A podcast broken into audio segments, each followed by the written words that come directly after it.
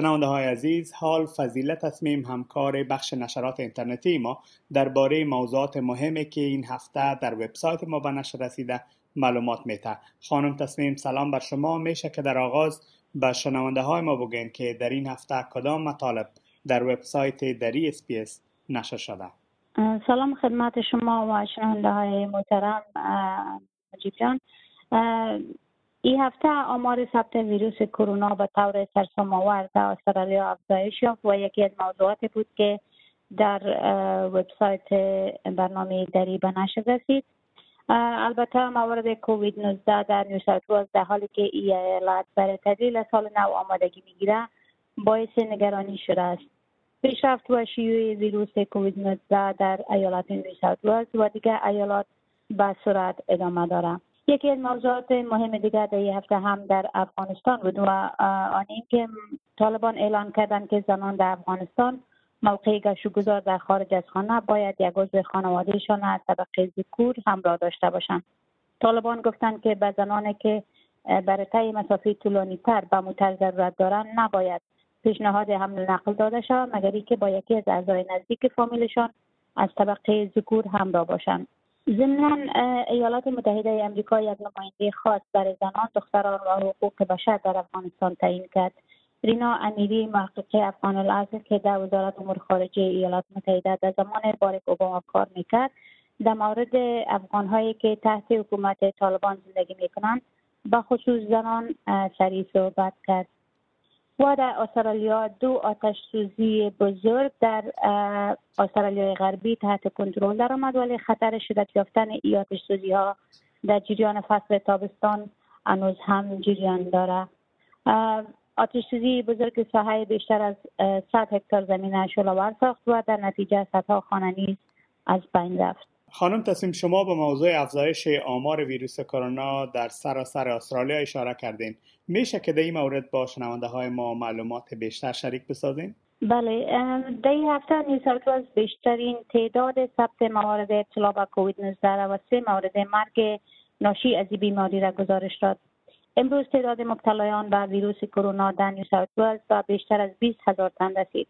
در حال در ویکتوریا نیز تعداد مبتلایان به بیشتر از 5 هزار مورد و 5 مورد مرگ ناشی از ویروس رسیده. تعداد موارد جدید در نیو ساوت و ویکتوریا نشان دهنده افزایش قابل توجه شیوع ویروس کرونا است.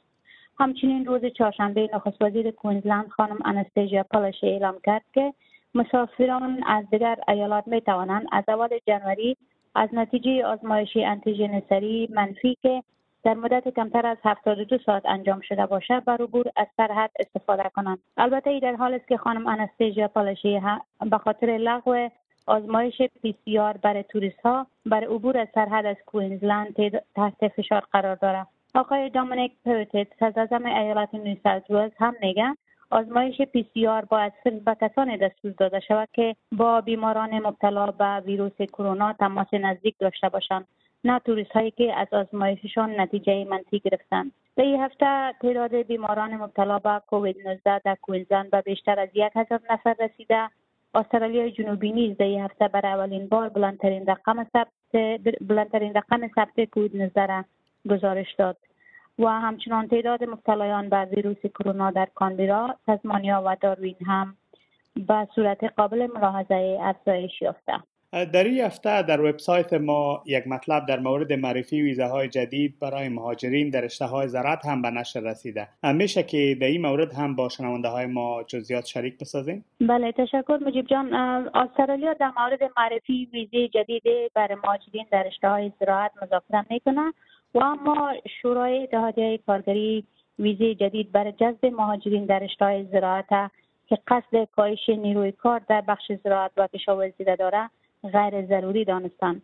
تا حال هیچ کارگر تحت ویزه جدید که برای جذب مهاجرین بر کار در بخش زراعت در استرالیا است معرفی شده واردی کشور نشدن زیرا هنوز مذاکره با کشورهایی که با این نوع ویزه موافقت نمایند ادامه دارد. ویزا برای جذب کارگران حرفوی در رشته زراعت در ماه اکتبر 2021 در جریان مذاکرات تجارت آزاد با بریتانیا معرفی شد. این پیشنهاد همچنان به کار توریست های بریتانوی که برای ادامه اقامتشان بعد از پایان مدت ویزه ایشان در مزارع کار می‌کردن نیز خاتمه داد. آقای دیوید ریتل پراود وزیر زراعت گفت این بزرگترین تغییر ساختاری در نیروی کار زراعتی در تاریخ کشور ما خواهد بود و با کارخانه های جنگلات و حاصلات زراعتی اجازه میده کارگران فصلی کارگران حرفوی و نیمه حرفوی را از دیگر کشورها جذب کنه او همچنان گفت که این تصمیم حکومت استرالیا در ماه اکتبر سال جاری گرفته شده.